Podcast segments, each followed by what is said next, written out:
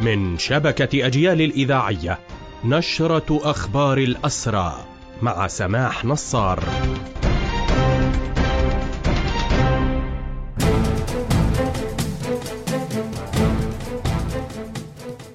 أهلا ومرحبا بكم. إلى هذا اللقاء ارتفع عدد الشهداء الأسرى في سجون الاحتلال منذ السابع من أكتوبر إلى عشرة شهداء. في حين يبلغ عدد شهداء الحركة الأسيرة منذ عام 47 248 شهيدا من الحركة الأسيرة. يأتي ذلك بعد ارتقاء شهيد من قطاع غزة وهو من الشهداء المعاقين حركيا. وكانت أعلنت هيئة شؤون الأسرى والمحررين استشهاد المعتقل في سجن الرمله عز الدين زياد عبد البنا ويبلغ أربعين عاما وهو من غزة. يعاني من إعاقة حركية هو مقعد ولديه عدة أمراض. اعتقله الاحتلال من منزله في غزة قبل أكثر من شهرين. في ضوء الإبادة الجماعية التي ينفذها الاحتلال ضد شعبنا في القطاع.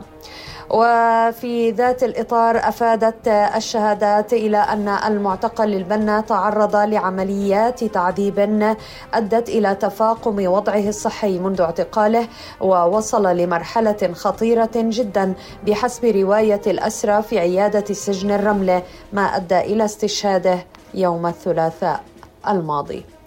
في أخبار حملة الاعتقالات اليومية 15 مواطنا بينهم صحفي تم اعتقالهم على الأقل منذ مساء أمس وحتى صباح اليوم الأحد. والحملة تشمل أيضا عددا من الأسرى السابقين. تترافق عمليات الاعتقال مع الاعتداء بالضرب المبرح على المعتقلين وأهاليهم وتخريب بيوتهم.